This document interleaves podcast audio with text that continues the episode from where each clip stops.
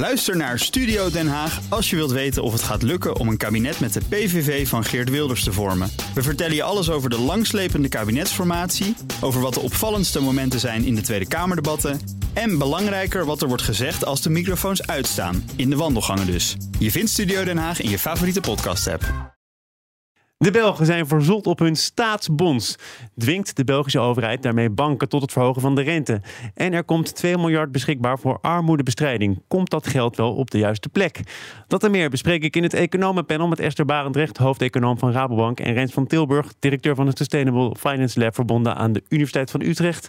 Welkom dames en heren. We beginnen dit panel ook met een nieuwe rubriek. Oftewel, wat zouden jullie graag willen bespreken bij het koffieautomaat of de glimmende espresso machine? Rens, wat is jou vandaag opgevallen? Ja, toch waar jij ook uh, de, het nieuws mee begon. Uh, die fossiele subsidies, nieuwe berekening die daarvan van gemaakt is de oude berekening, je zag ze eigenlijk de afgelopen jaren steeds oplopen. Uh, volgens mij de, de, teller stond op 30 miljard. Uh, en nu is hij op 37,5 miljard. Ja, en hij kwam van 17,5 miljard op basis van een berekening van een PvdA-europarlementariër. Die ook niet had gedacht dat ja. hij daarmee jarenlang de discussie zou ja, sturen. Maar... Nou, en sterker nog, daarvoor lag hij op 4,5 miljard. Dat was namelijk de eigen berekening van het ministerie. En dat vind ik eigenlijk het opvallende hieraan. Is dat, dat, dat deze discussie over fossiele subsidies. Hè, economen, zeg maar, ook in dit panel zullen het allemaal over eens zijn. Die wil je eigenlijk niet hebben. Dus daar moet je vanaf vraag is een beetje hoe snel kan je dat, uh, kan je dat doen. Um, maar iedereen is daar al heel lang over eens. En iedereen roept ook al heel lang: minister, maak nou inzichtelijk hoe groot zijn die dingen. Want dan kunnen we het gaan hebben over het afbouwen daarvan. En dat is dus door zo'n ministerie eigenlijk heel lang is dat ja, eigenlijk in mijn ogen getraineerd. Hè. Die willen daar alsmaar geen, uh, geen, geen inzicht in geven. Ja, en nu zitten we dan op een moment dat uh, nou ja, we de, de, de heetste zomer ooit achter de rug hebben. En, en nu kan het misschien wel in één keer heel snel gaan met die subsidies. Wat er ook weer dan negatief uitpakt voor nou ja, de economie. Ja, en, nog even over eh, de term subsidies, want daar ging het natuurlijk ook om. Uh, zijn dat duwtjes in de rug? Zijn dat fiscale vrijstellingen? Zijn dat andere regelingen? Ik geloof dat er in dit onderzoek sprake is van 31 regelingen waar de, deze coalitie wel van af zou willen. het, het is dus niet sec een subsidie bedrijven krijgen geen geld. Ze hoeven in de meeste gevallen wat minder geld te betalen, toch? Ja, maar dat is dus een definitie. Hè? Dus de definitie van fossiele subsidie die, uh, komt van de Wereldhandelsorganisatie. In de Verenigde Naties, die hanteert die ook. En die hebben ze op zich in dit rapport gewoon ook uh, gehanteerd. Maar het is inderdaad, hè, dus een subsidie in die definitie is nou eenmaal breder dan alleen maar de overheid die zegt van hey, voor dit specifieke activiteit krijg je dit bedrag. Het is ook als ze zeggen van hey, jij bent iets aan het doen wat anderen ook doen. Maar bij die anderen die krijgen daar wel een belasting voor. En jij krijgt die belasting niet. Dat, wordt, ja, dat is ook een subsidie. Ja, en, dan wordt gezegd, uh, in ieder geval door deze organisatie, dat is bepaald niet uh, efficiënt. Hè? Ik bedoel, er zijn uh, betrekkelijk weinig bedrijven die dan heel veel opslokken van het budget. En die leveren helemaal niet zo'n grote bijdrage aan de economie. Het kabinet heeft dat ook erkend. Zegt al een tijdje, we willen af van die fossiele subsidies. We willen er iets aan doen. Maar dat wil het kabinet dus niet echt in jouw optiek? Want anders zou je de woorden traineren niet gebruiken. Ja, want kijk, deze discussie, nogmaals, hè, die, die loopt echt al heel erg lang. Uh, want alle economen zeggen het is niet handig om dingen die je eigenlijk niet wilt. We, we weten al heel lang dat we die fossiele uitstoot, die CO2-uitstoot naar beneden willen brengen. Om dat dan toch uh, ja, goedkoper te maken. Want je hebt maatschappelijke kosten, die zitten juist niet in die prijs. En dan ga je het nog eens een keertje goedkoper maken. Dus die, die richting moet echt de andere kant op. Maar ja, helaas, dat begint allemaal wel met eerst inzicht van waar zitten dan die subsidies. Um, en, en, en, en hoe kun je die dan geleidelijk afbouwen? Maar dat is toch nu wel een paar keer in kaart gebracht. Uh, onder andere vandaag dus weer. Ja, maar kijk, die cijfers zijn natuurlijk steeds uh, bestreden door het ministerie van Economische Zaken. Die zeggen van nou, die hoge bedragen die kloppen niet. En wij komen, wij komen met eigen berekeningen. Alleen die eigen berekeningen, ja, die laten dus nu alweer jaren op zich, uh, op zich wachten. En vandaar dat ik het woord traineren gebruik. Want ja, zo'n sommetje als er nu gemaakt is door, door in dit geval SOMO dat moeten ze natuurlijk bij het ministerie ook kunnen. Of desnoods geven ze iemand daar een, een opdracht voor. Ja. Esther, ik hoorde Rens een beetje praten namens bijna alle economen. Behoor jij ook tot bijna alle economen die zeggen... dit moet toch echt anders kunnen? Nou ja, kijk, in economisch is er alles voor te zeggen... om elke uh, ton CO2 gelijk te beprijzen. En dus niet om onderscheid te maken tussen de CO2 die door de ene of door de ander wordt uitgestoten. Uh, dus dat principe onderschrijf ik. En dan kom je denk ik inderdaad op de vraag van ja, wat voor een pad ga je dan in? Uh, en daar heb je allerlei ingewikkeldheden omheen, uh, waar we denk ik nu niet aan toe komen. Ja. Nou, dan komen we toe aan uh, wat jou opviel in de berichtgeving eerder vandaag. Onder andere over, ja, geen nieuw fenomeen, vergrijzing en hoe dat Nederland raakt en ook de arbeidsmarkt beïnvloedt. Ja, dus dat was een bericht van het UWV vandaag, die eigenlijk inderdaad waarschuwen van de arbeidsmarkt is nu krap, maar pas op wat er nog aan gaat komen. want over een paar jaar wordt dat alleen maar krapper. En het heeft inderdaad te maken met de vergrijzing, die op twee manieren ingrijpt. Uh, je hebt dan minder mensen die kunnen werken. En je hebt dan ook, ook nog eens meer mensen nodig om uh, de mensen die niet kunnen werken, die ook nog meer zorg nodig hebben, te ondersteunen. Um, dus dat is, ja, dat is gewoon iets wat echt nog, nog boven de markt hangt uh, voor Nederland, voor heel veel andere landen. Wat denk ik ook echt een belangrijk thema moet worden voor het volgende kabinet. Wat zegt het UWV over, hopelijk hebben ze er ook over nagedacht, mogelijke oplossingen? Ja, dus zij noemen onder andere uh, digitalisering, uh, arbeidsmigratie, uh, hogere participatie. Dus dat mensen meer, dat meer mensen die nu nog niet werken toetreden of bijvoorbeeld meer uren gaan, gaan doen. En ik denk zelf een hele belangrijke, dat zit een beetje in de digitalisering, maar is eigenlijk ook van ja, dit weten en moeten we echt met z'n allen slimmer gaan werken. Dus onze arbeidsproductiviteit moet omhoog. En uh, dat is iets waar we eigenlijk juist al een hele lange tijd een, ja, de, eh, de verkeerde richting op gaan. We, we worden eigenlijk steeds minder arbeidsproductief. Ja, want ja. de laatste ramingen van het CPB laten ook zoiets zien. Hè? Het eh, bleek in augustus dat zij verwachten dat de arbeidsproductiviteit geloof met 0,1 of 0,001 gaat stijgen de komende periode. Ja, dus nu, wat, wat je eigenlijk ziet is nu is nog het aantal uren dat we werken, dat trekt nog de kar. Maar we moeten natuurlijk er naartoe dat hè, het, het slimmer werken, dat dat de kar trekt uh, van de economie.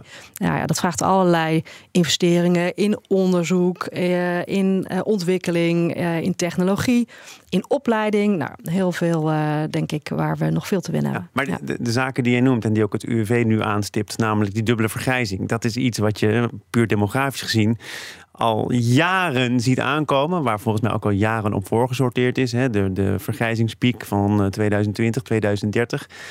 Daar hadden we dan toch wat beter geoutilleerd aan kunnen beginnen.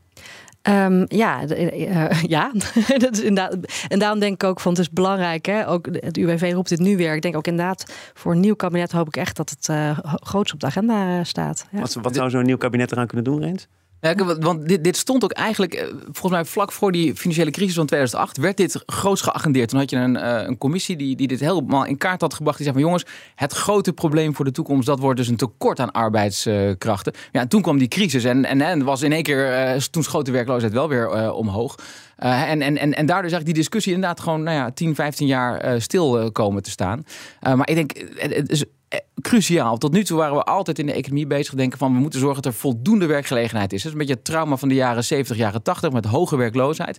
En, en, en daar is nog steeds heel veel op gericht. Hè? Dus ook rondom bijvoorbeeld die subsidies, uh, fossiele subsidies waar we het net over hadden, met het, het, het, discussie over het afbouwen daarvan, zal geheid op tafel komen van de werkgever die zeggen maar pas op, want dan gaan er bedrijven weg en dat kost werkgelegenheid. En, en, en, en in de oude situatie was dat inderdaad van, nou ja, daar moeten we voor oppassen. In een nieuwe situatie is het denk ik veel vaker dat we moeten zeggen, nou, misschien wel goed, want dat soort bedrijvigheid, dan, dan importeren we die producten ergens anders van kunnen wij die mensen hier in Nederland weer voor andere dingen gebruiken. We hebben een enorm tekort aan, aan technici als je het hebt over, over de energietransitie. dus dus die, die andere manier van kijken, die is denk ik heel erg belangrijk. En dat is echt een omslag die we ja, nu kunnen gaan, gaan maken. We gaan naar zaken waar het huidige kabinet, het demissionaire kabinet, zich nog mee bezig moet houden. Namelijk 2 miljard euro extra voor armoedebestrijding. Werd al iets gelekt uit wat er op de derde dinsdag van september verder bekend zal worden. 1,6 miljard euro daarvan moet worden opgehaald bij de hogere inkomens. Het is ook een opdracht van dat eerder genoemde Centraal Planbureau en van de Kamer overigens. Mm -hmm, Je mag van alles uh, wel of niet controversieel verklaren, maar armoedebestrijding dat moet met stip op één uh, blijven staan. is die 2 miljard dan iets om daaraan tegemoet te komen? Is misschien ook wel voldoende? Uh, ik denk niet dat het voldoende zal zijn. Wat het kabinet hiermee doet, is dat het voorkomt, uh, hopelijk, hè, want ik heb de precieze invulling nog niet gezien, maar uh, dat het hiermee voorkomt dat er uh, meer mensen in de armoede komen als er het tijdelijk steunbeleid van dit jaar vervalt. Dus daar is het op gericht en dat was ook de opdracht van de Kamer. Ehm, daarmee uh, doet het kabinet denk ik nog niet genoeg aan het eigenlijk structurele probleem. Hè, dat mensen met uh, een inkomen rond het sociaal minimum eigenlijk al jaren steeds meer moeite krijgen om rond te komen hè, in, in, in wat van deze maatschappij van hen vraagt. En, en had het kabinet meer kunnen doen gezien die demissionaire status? Of is dit wel zo ongeveer wat hen politiek nog aan ruimte wordt geboden? Um, ja, ik, nou ja de, de, de opdracht was denk ik vrij duidelijk vanuit de Kamer. Dus daar, daar reageren ze op. Uh, en wat natuurlijk lastig is, van ja, hoe financier je het inderdaad? Hè? Want het geld groeit het kabinet intussen niet meer op de rug. Dus daar zit volgens mij ook de spanning uh, op in de besluitvorming. Hoe kijk je naar deze maatregel, deze aangekondigde uh, beleidswijziging... om toch specifiek geld te reserveren om armoedebestrijding mogelijk te maken? Ehm, nou ja, als gezegd, het was een, een, een kamerbrede wens. dus, dus dan is het wel, denk ik, logisch dat ook een demissionair kabinet daar iets op gaat, gaat voorstellen. Um, ik, ik moet nog zien, ik ben gewoon benieuwd of, uh, of dit inderdaad gaat doen wat die motie vraagt. Namelijk dat uh, de armoede niet verder gaat oplopen, gewoon breed voor alle Nederlanders. Um, omdat ik eerder, voordat dit uh, pakket naar buiten kwam, uh, eigenlijk veel grotere bedragen langs hoorde komen. Tot en met uh, 7 miljard aan toe wat, wat nodig zou zijn. En als je kijkt naar wat er nu nou ja, uitgelekt is, dan gaat dus ehm, ik meen ongeveer de helft van die, van die 2 miljard gaat naar het kindgebonden budget. dat is een regeling die op zich ja, heel gericht is op, dus op uh, mensen met lage inkomens met kinderen. Um, hè, en daar, daar zat ook wel de grootste pijn. Hè. Dus daar was ook, ook uh, ja, de, de, de, de meeste partijen waren heel uitgesproken over. Vooral kinderen mogen niet in, uh, in armoede. Hè, niet, we willen niet meer kinderen in armoede hebben zitten. Dus, dus, dus ja, dat kan je gaan misschien met dit pakket gaan bereiken. Um, maar het kan best zijn dat de armoede als geheel nog steeds wel, wel blijft oplopen. En ja, dan zal dus moeten blijken bij de, bij de algemene beschouw, financiële beschouwingen of de Kamer dan ja, zijn eigen motie alsnog wil gaan uitvoeren. Maar je bent, het niet, je bent het niet eens met het gekozen instrumentarium om dit te bereiken. Je twijfelt aan de effectiviteit. Of zeg je, hoe je het ook zou invullen, het is niet voldoende. Want ik kwam eerder bedragen tegen uh, drie keer zo hoog. Ja, ja ik weet het dus niet. Hè. Dus, dus dit, dit, dit, gaat nu weer door het Centraal Planbureau worden doorgerekend. En dan zullen we zien uh, wat, wat, wat de gevolgen zijn. Uh, ik, was wel, ik kwam wel in, ergens een, een, getal tegen dat de kinderarmoede hierdoor juist zou gaan afnemen. Uh, dus dat er eigenlijk meer gedaan wordt dan wat de motie uh, vroeg. Um, maar ik, ja, het, ik sluit niet uit dat de algemene armoede nog steeds oploopt. En dat dan dus uh, ja, in. dus dat is überhaupt mijn hele gevoel. Hè, dat is namelijk ook een discussie over, over de accijns voor de auto's. Um, uh, daar denk ik ook dat het kabinet gewoon zegt van nou Kamer, als jullie daar iets mee willen, dan moeten jullie het zelf maar gaan, uh, gaan regelen. Nou, die accijns die wordt toch uh, verhoogd? Nou ja, die wordt. De, ja, wanneer in ieder geval de verlaging wordt niet verlengd. Precies, precies. Hè, dat is wel. Uh, nee, nee is precies, het, precies hè, want het is juist een automatisme dat die weer terugkomt, die, uh, die accijns. En het is dus een besluit om dat niet te doen. Nou, hè, dus ik denk op zich goed dat een demotionair kabinet dan zegt van nou, hè, besluiten die een andere kant weer opgaan, dat laten we aan, uh, aan de Kamer op, uh, op dit moment. En nu lag er een, een, motie. Maar ja, nogmaals, die motie die riep wel op om gewoon de armoede niet uh, te laten toenemen. En nou, we gaan zien bij de doorrekening of ze het. Esther, nou wordt er inderdaad gezegd dat kindgebonden budget, dat moet dan toch het grote verschil gaan maken. Moet die armoede toename een halt toeroepen dan meen ik me toch wel te herinneren dat het kabinet in het eigen regeerakkoord heel duidelijk zei: toeslagen ja, daar hebben we de afgelopen jaren niet zulke geweldige, erva geweldige ervaringen mhm. mee. Daar moeten we eigenlijk vanaf. Toeslagen in, in, in den brede.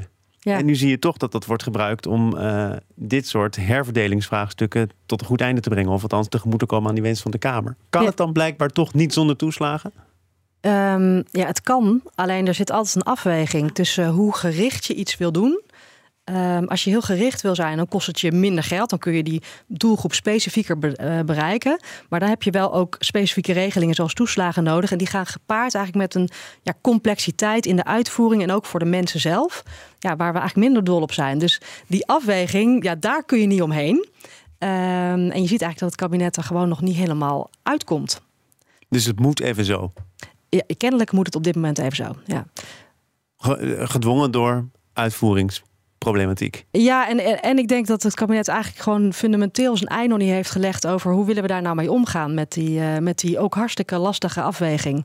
En wat, ja, wat je ook wel ziet is, uh, als ik eerlijk ben, ook andere landen worstelen hiermee. Hè? Dus het is ook niet iets uh, typisch Nederlands. Uh, het, is, het, het, is echt lastig. En uh, ik denk zelf wel dat we in Nederland echt toe moeten naar toch wellicht soms iets duurdere oplossingen die minder complex zijn. Omdat we hebben gezien dat die complexiteit de maatschappij ook heel erg veel geld kost. Maar die duurdere oplossing, doet het dan wat af aan de effectiviteit van een maatregel? Als je bijvoorbeeld toch iets moet nou, optuigen, blijkbaar? Ja, het doet iets af van de kostenefficiëntie. Hè? Want je gaat breder geld schieten.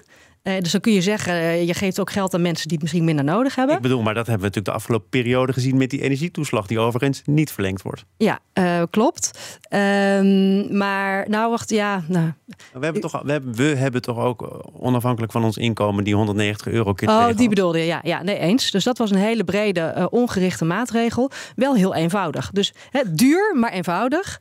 Um, en daartegenover staat dus inderdaad specifiek gericht beleid, wat dan minder kosten omdat je het op die groep richt. Maar gepaard gaat met meer complexiteit. Want mensen moeten het aanvragen. Er kunnen fouten gemaakt worden. De uitvoeringsorganisaties zitten met de handen in haar. Dus allemaal dat soort dingen. Ik denk als je echt uh, de grote afweging wil maken. Ik zou zeggen liever wat minder complexiteit tegen wat meer euro's kosten. Maar die uiteindelijk de maatschappij, denk ik, gewoon minder ellende uh, kost. Uh, maar ja, dat is een richting. En dan komt geld dus niet altijd op de goede plek terecht. Dus aan. Nee, dat is dan inderdaad, eh, dat moet je er dan bij accepteren. Ja. ja. dus, dus een, de vraag is van wat vind je de goede plek? Um, kijk, uiteindelijk wil je natuurlijk in een, uh, naar een samenleving toe waarin gewoon iedereen die uh, goed zijn best doet en hard werkt, uh, daar in ieder geval voldoende geld voor heeft om een fatsoenlijk leven te leiden. Dat is volgens mij een uitgangspunt waar, waar velen het mee eens zullen zijn. En uh, ja, dat we zo ontzettend met die toeslagen bezig zijn, is, is natuurlijk een illustratie ervan dat we, dat we niet in zo'n samenleving leven. dus heel veel mensen ja, werken hard. Uh, maar houden desondanks niet voldoende over. En zeker niet als ze kinderen hebben. En uh, als ze ook nog eens een keertje pech hebben dat ze niet in een sociale huurwoning uh, terecht kunnen. Um, en, en, maar, maar, maar ja, om daar te komen heb je dus wel hele grote uh, veranderingen nodig. Hè? Dus dan zou je kunnen denken aan een verhoging van het uh, minimumloon bijvoorbeeld. Is ook gebeurd. Uh, is ook gebeurd, hè? Maar, maar, maar blijkbaar niet voldoende. Hè? Want, want het is niet voldoende om zeg maar, die stijging van de armoede tegen te gaan. dus, dus, dus, dus dat zou een, een, een, richting kunnen zijn. Um, ja, verder hebben we natuurlijk in Nederland een enorm probleem met de huizenmarkt. Um, hè, en, en, en vandaar dat die huurtoeslag ook weer uh, verhoogd gaat, ja. gaat worden. Maar toch even wat, wat Esther zegt. Hè? Want ik, ik kan me de discussies ook op deze plek nog wel herinneren over die energietoeslag. Hè. Dat zou dan eigenlijk vooral bedoeld zijn voor mensen in een tochtig huis met een beperkte inkomen. Volgens mij was de bedoeling dat 300.000, 400.000 ja. mensen dat zouden krijgen. En uiteindelijk bleek dat zo ingewikkeld te zijn dat iedereen in beperkte mate werd ondersteund in de vorm van dat bedrag dat ik net noemde. En dat mensen zelf zeiden van ja, maar ik heb het helemaal niet nodig. Ik stort het van mijn part zelf wel terug uh, naar ja. iets of iemand die het wel nodig heeft. Ja. Vind jij dat dat een weg is die je toch kunt bewandelen? Nee, kijk, dit, in dit specifieke geval van die, van die hoge energieprijzen, um, daar lagen natuurlijk al alternatieven op tafel. Hè? Dus dat is voor mij nog steeds een van de grote mysteries, is waarom er uiteindelijk gekozen is voor uh, ja, eigenlijk een oplossing die iedereen geld opleverde. Um, uh, terwijl er wel uh, energiemaatschappijen waren die zeiden van, goh, wij kunnen heel gericht zeggen wie die steun nodig heeft. Um, daar is toen gewoon ook weer ja, niet voor gekozen. Um, en ja, wat daarachter zit, hè, dus aan de ene kant werd er gezegd dat zijn toch uitvoeringsproblemen. Hè, dus ondanks dat die energiemaatschappijen zeiden wij kunnen het wel doen, uh, dacht het ministerie dit valt toch niet uh, op die manier op te lossen. Aan de andere kant is natuurlijk ook een politieke discussie. Um, hè, waarbij sommige partijen zeggen van nou, onze achterban, dat zijn eigenlijk die mensen met die lage inkomens. Wij willen het graag gericht voor hen doen.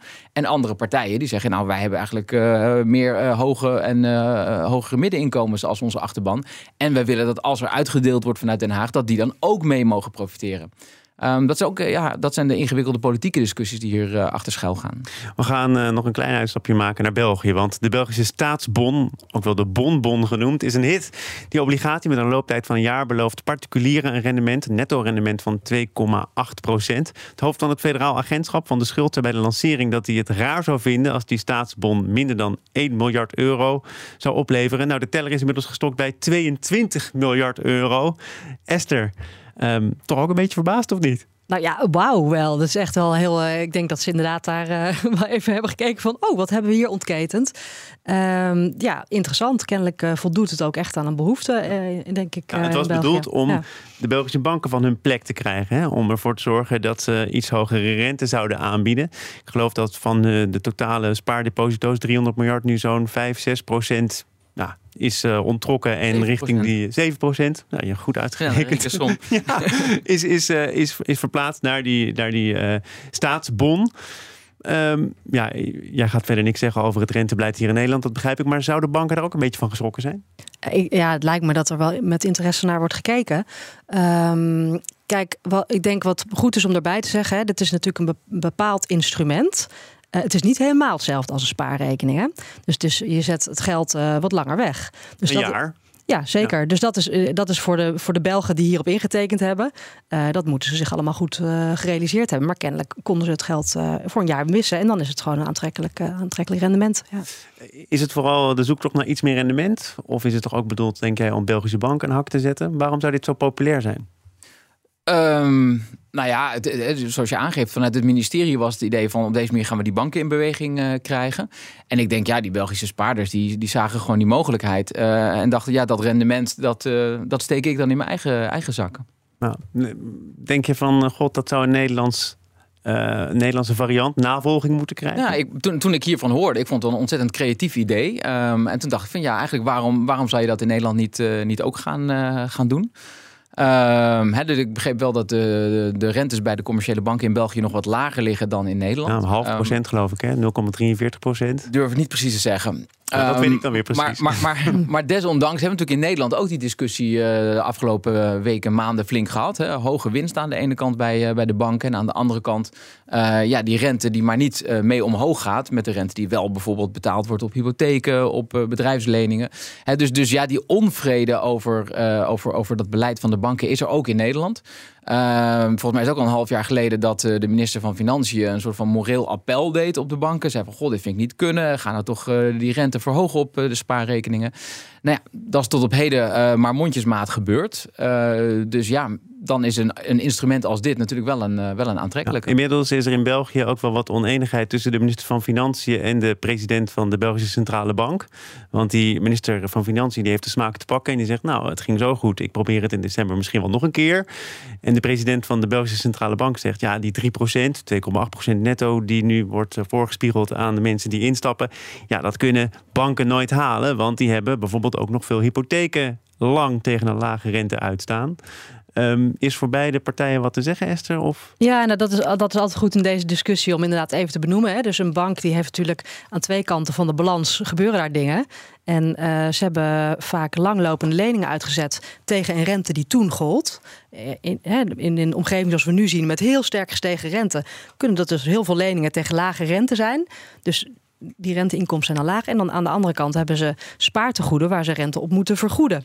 Ja, en dat, uh, daar zoekt uh, een individuele bank natuurlijk een balans in.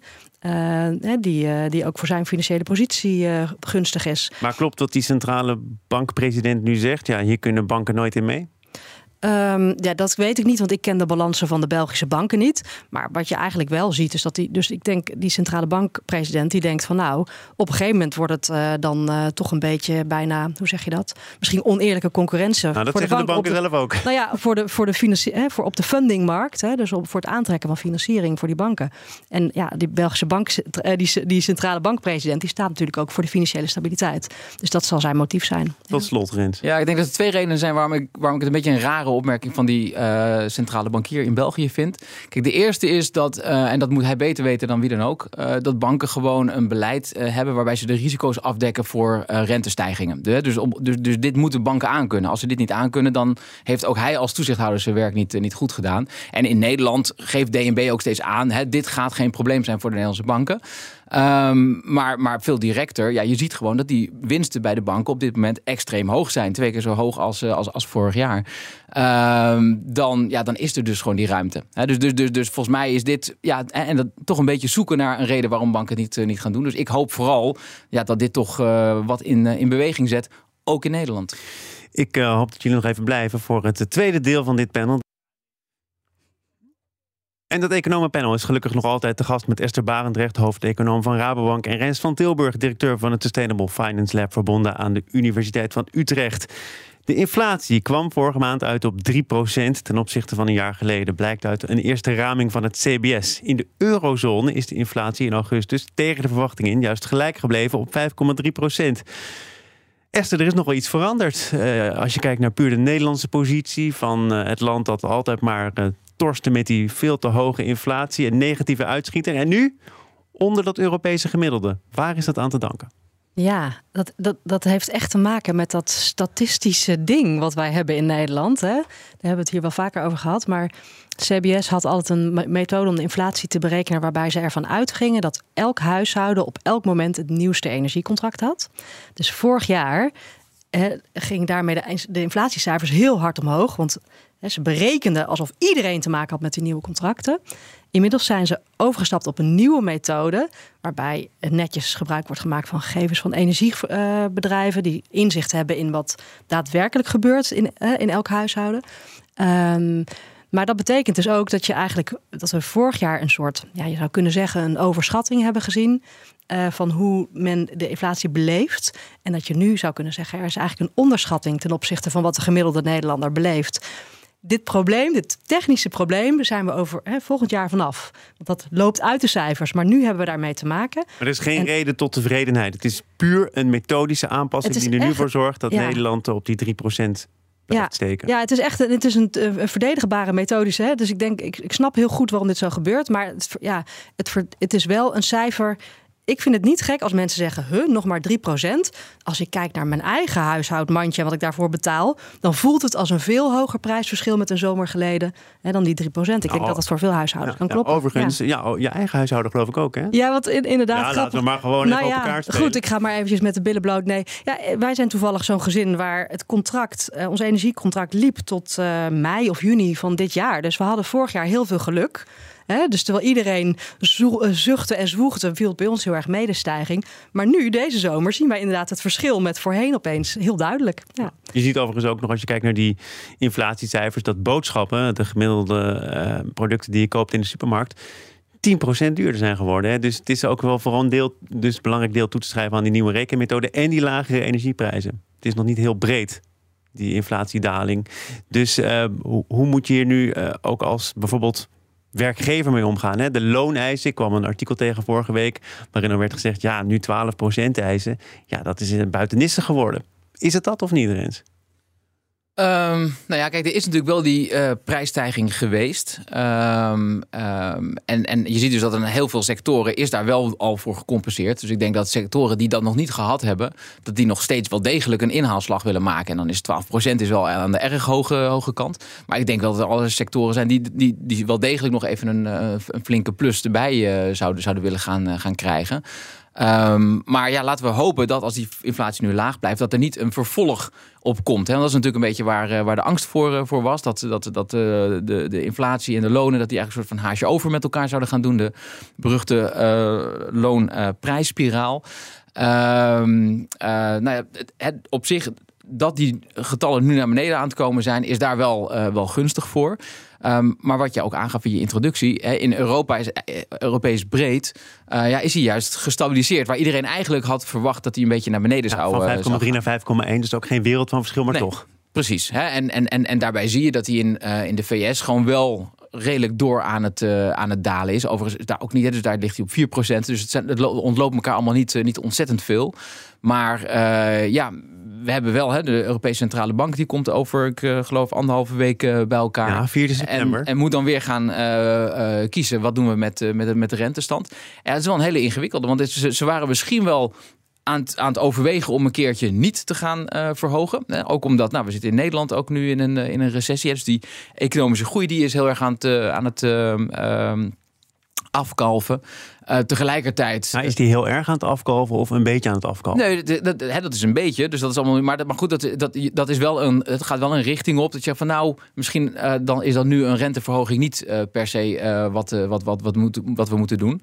Um, maar ja, ik denk als hij nu zo'n soort van stagneert op die 5%, ja, dan wordt het voor de ECB toch wel heel moeilijk om, om niet de rente weer een beetje te verhogen en te laten zien dat het echt ernst is om het weer naar 2% toe terug te brengen. We gaan even naar het beleidsjargon van Lagarde. Die was ook uitgenodigd op Jackson Hole, een tijdje hm. terug, anderhalve week geleden inmiddels. En zij zei: We nemen onze beslissing vergadering per vergadering. Zeker omdat een reeks structurele veranderingen het moeilijker maakt om te weten wat er zich in de economie afspeelt. En we laten onze beslissingen met opzet afhangen van economische data. Nou, ik heb er nog eens een paar keer naar gekeken. Ja, mhm. heel veel anders kan ze ook niet zeggen, toch? Of is dit. Uh, Nee, nou ja, een tijd geleden hadden ze natuurlijk wel degelijk dat ze eigenlijk vooraf al zeiden: we gaan de komende tijd dit en dit en dit doen. Daarmee wilden ze duidelijkheid geven. Maar nu zeggen ze inderdaad van ja, wij moeten echt varen gewoon op, uh, op de cijfers die we binnenkrijgen om precies te zien waar de economie nu staat. En uh, ja, het is inderdaad een hele lastige puzzel voor ze. Want enerzijds is die inflatie, en zeker de kerninflatie, is echt nog te hoog. Anderzijds is inderdaad sprake van uh, vertraging. En ze zien ook wel, hè, dus er is inmiddels ook wel duidelijk iets gaande in het kredietkanaal. Hè. Dus de, de vraag eh, naar leningen die neemt ook af. Dus je ziet eigenlijk dat de rente wel effect heeft. Maar we weten ook dat het altijd met enige vertraging doorloopt. Was de geldhoeveelheid niet voor het eerst in 13 jaar een beetje afgenomen? Ja, dat, uh, dat klopt ook inderdaad. Ja. ja. want daar wordt dus ook naar gekeken hoeveel kredieten er worden verstrekt, hoeveel geld er in omloop is. En moet je dan dus rekening houden met het feit dat er altijd een vertragend effect in zit? Dat die renteverhoging van de afgelopen periode nog niet helemaal zijn. Nog niet helemaal is uitgewerkt, ja, precies. Dus, uh, dus dat is ja, dat is de reden dat ja, wij denken ook nog steeds van nou waarschijnlijk zullen ze in september niets doen. Hè, maar de ECB houdt gewoon heel erg graag uh, ja, de, de ruimte om dit moment te kunnen reageren op de nieuwste cijfers. En, en, en kan dat dan, hè, dat uh, beteugelen van die inflatie, kan dat zonder al te veel economische brokken? Want dat is natuurlijk de balans. Hè. Je kunt de economie geweld aan doen, dat zie je nu een klein beetje gebeuren. Maar je wil om het in uh, jullie jargon te zeggen, natuurlijk aansturen op een zachte landing. En die inflatie proberen naar beneden te krijgen zonder dat de economie daar al te zeer onder leidt. Kan ja. dat? Um, en, waarom, en waarom zou dat in Amerika bijvoorbeeld wel kunnen en in Europa wat minder voor de hand liggen waar het nu op lijkt?